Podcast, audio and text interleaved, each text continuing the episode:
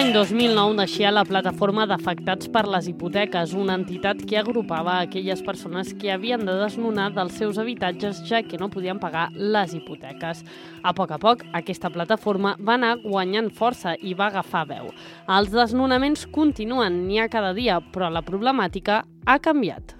Ja, ja, ja, ja estava abans de, del tema de, de, del Covid, abans del confinament, i amb el confinament s'ha agravat molt, perquè hi ha molta gent que ha anat a ERTES, gent que s'ha anat a l'atur, eh, o, i, els que han, i els que ara han, tenen treball, doncs tenen treballs d'aquests amb contractes brossa que no, no, bueno, que treballen però no, no els hi arriba i llavors han, han optat per, molta gent han, ha optat per, per, per deixar de pagar, de pagar el lloguer. El que passa que ja han, han hagut moratòries que, que, que et permetien fer una negociació amb, amb, amb el, propietari.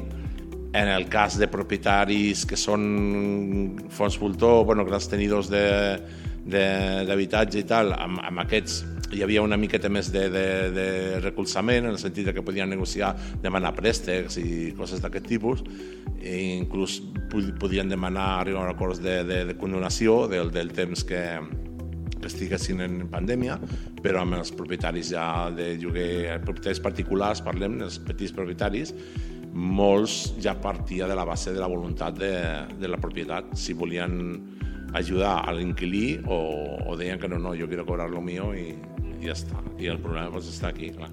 Juanma Espinosa és portaveu de la PAG Tarragona. Ha vist com ha anat evolucionant i les seves assemblees també s'han modificat el banc i, i per la llei 24 de 2015, de, que és la llei catalana, van tindre que, el banc li va tindre que fer sí o sí un lloguer social, ara resulta que com aquesta llei que van fer l'ampliació a finals del 2019, el Partit Popular i Ciutadans ho va portar al Constitucional, Constitucional ha dit que, que, bueno, que, que, que era anticonstitucional no per el fons, sinó per la forma de que s'havia aprovat la llei, hi ha aquella obligació de renovar lloguers socials eh, de moment està, està estancada. Què passa? Que ara tots els que venen, la majoria de gent, més que per impagament de lloguer, que, que en venen també, però la majoria de gent ve perquè se'ls acaba el lloguer social i la gent i no volen renovar. I la situació d'ells, d'aquestes famílies, és la mateixa, si no és, no és pitjor. O sigui que no, no poden anar al, al mercat mm, eh, al mercat normal de, del lloguer porque ningún se jugaría un piso. Bueno, pues mi caso es que hace cosa de cuatro meses, yo mi, mi piso es de, de Haya, eh, me mandaron un burofax diciéndome que a mí me cumple el contrato el 12 de noviembre y que no me quieren renovar, quieren que entregue las llaves el día 12. Entonces mi problema es este, que no me quieren renovar, hasta ahora me han ido renovando año por año, pero ahora no sé por qué, pues no, no nos quieren renovar. Y el problema que hay aquí es que no hay una cara visible para poder negociar eh, con ellos el tema de, del alquiler. Antes podíamos ir al banco, como ha dicho Juanma, y podíamos negociar con el banco. El problema es que ahora el banco te dice que bueno que ellos ya no tienen nada que ver, que todo lo que lo lleva es Haya, que es un fondo buitre, el que lleva el tema de, de los alquileres. Y entonces ahora mismo eh, tengo una chica que de una agencia que me está llamando para entregar ya las llaves. Y claro, yo no tengo dónde ir. Yo ahora mismo, eh, mi marido está trabajando media jornada, yo acabo de conseguir un trabajo que tampoco es por sustitución, no tengo una seguridad, de, una estabilidad para ir a una agencia de, inmobiliaria y que me digan qué mm, piso puedo optar para poder alquilar. Y no me quieren renovar, se han cerrado en banda en que su cliente no quiere ninguna renovación. Yo tengo dos hijos, una de seis y el otro de diez y ahora están en, tiempo escolar. Entonces, claro, ¿a dónde me voy a ir? ¿Qué voy a hacer? Es el miedo de todas las noches de no poder dormir porque, claro, encima tienes la negativa, la respuesta negativa de que no quieren hacer ningún trato contigo ni, ni aún aumentar un poco el, precio para poder seguir estando ni nada. O sea, ese es nuestra, nuestro dilema, que por más que queremos comunicarnos, no quieren tampoco, no hay una opción de poder comunicarse todo por correo electrónico y también yo estoy con ella también. Cada dia, famílies senceres es queden sense un sostre on poder estar, una problemàtica constant que es vol intentar solucionar amb la regulació dels preus del lloguer, però que de moment sembla molt lluny d'acabar-se. Sabes, antes yo entré a esta casa muy mala. Yo limpiarla, pintar, arreglamos todo. Tengo muchas fotos de esta casa. Yo cada día hablar con mamá, ¿por qué no dame alquiler? Yo puedo pagar, apuntar un contrato de alquiler.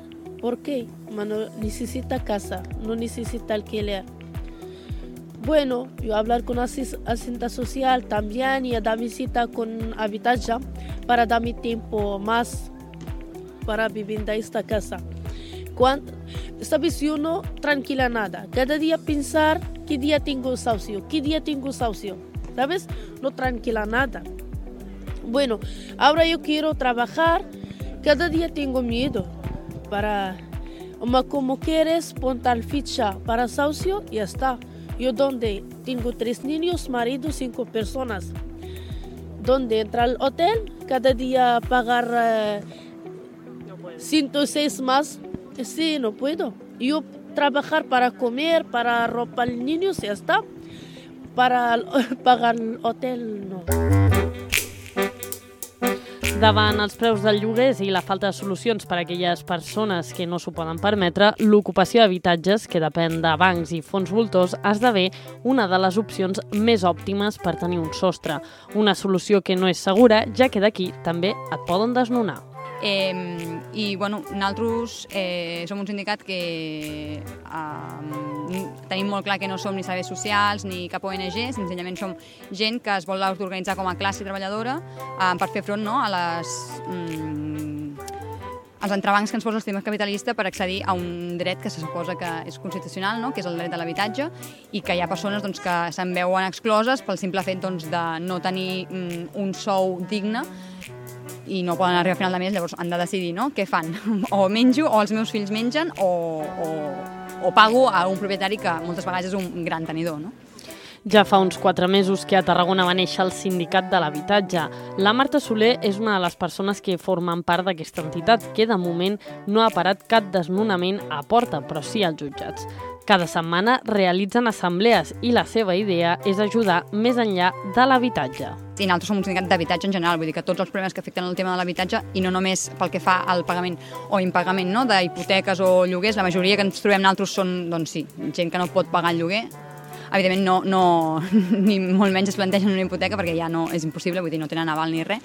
Eh, I llavors també intentem solucionar altres problemes o com a mínim fer-hi front i ajudar les persones a buscar mitjans no? per, per, perquè elles mateixes no venen aquí com me necessito això, sinó que elles mateixes, entre tot el coneixement col·lectiu que estem creant, doncs, ens empoderem per, per, per fer front no només al tema de l'habitatge, com deia, sinó també doncs, el tema de l'aigua, el tema de la llum, una mica menjar també, fins i tot, vull dir, ara som, com tu has dit, no? que fa molt poquet que existim, però el, el funcionament dels sindicats d'habitatge en general i que és com nosaltres volem també funcionar és com que a part de, del tema de l'habitatge o de la llum i l'aigua també doncs, es formin eh, xarxes d'aliments, escoletes pels nens, vull dir que la gent aprengui català perquè hi ha molta gent que encara doncs, no, no en sap, no? prou feines té per, per adaptar-se al seu dia a dia amb la precarietat que té i això vull dir que anem, anem, intentarem anar afegint cosetes que ja en altres sindicats ja funcionen. Què passa un cop t'han desnonat? Aquelles famílies que desnonen entren dins la taula d'emergència d'habitatge. Tarragona és l'única capital de demarcació que no compta amb una pròpia i, per tant, depèn de Barcelona, tot i que s'hagi anunciat que s'ha arribat a un acord per tenir-ne. Es complicado porque el problema que hay aquí es que eh, te quieren meter en una mesa de emergencia, ¿vale? Pero cuando ya te ha cumplido el contrato y que te llegue una carta del juzgado. Exacto, entonces no lo veo justo que a lo mejor te puedan dar otro tipo de vivienda eh, eh, de un día para el otro. No pueden tener a las familias viviendo con esa angustia durante todo este tiempo, porque hay gente mayor, hay niños, eh, hay personas con discapacidad, por ejemplo yo, y no puedes vivir con esa angustia sabiendo que te vas a poder ver en la calle. Si te van a dar una vivienda, no te la van a dar. No me parece justo eso. Y el problema es que siempre nos dicen que, bueno, que la mesa de emergencia, pero que supuestamente no tienen pisos. Serà que el problema que tenim a Tarragona és que Tarragona, Tarragona no tenim mesa d'emergència. La mesa d'emergència de Tarragona depèn de Barcelona. Depèn de la Generalitat, però o sigui, Tarragona, o sigui, Barcelona té la seva i la de Tarragona. Eh, em sembla que Lleida té la seva, Girona té la seva, però Tarragona depèn de Barcelona. I, i, i a l'Ajuntament es van dir que a la taula a la mesa d'emergència no podien inscriure a cap família fins que no li vingués una ordre de desnonament. Així doncs, el reallotjament de famílies pot tardar molts mesos i un cop ja els han desnonat. Per això, l'única opció, en molts casos, és ocupar.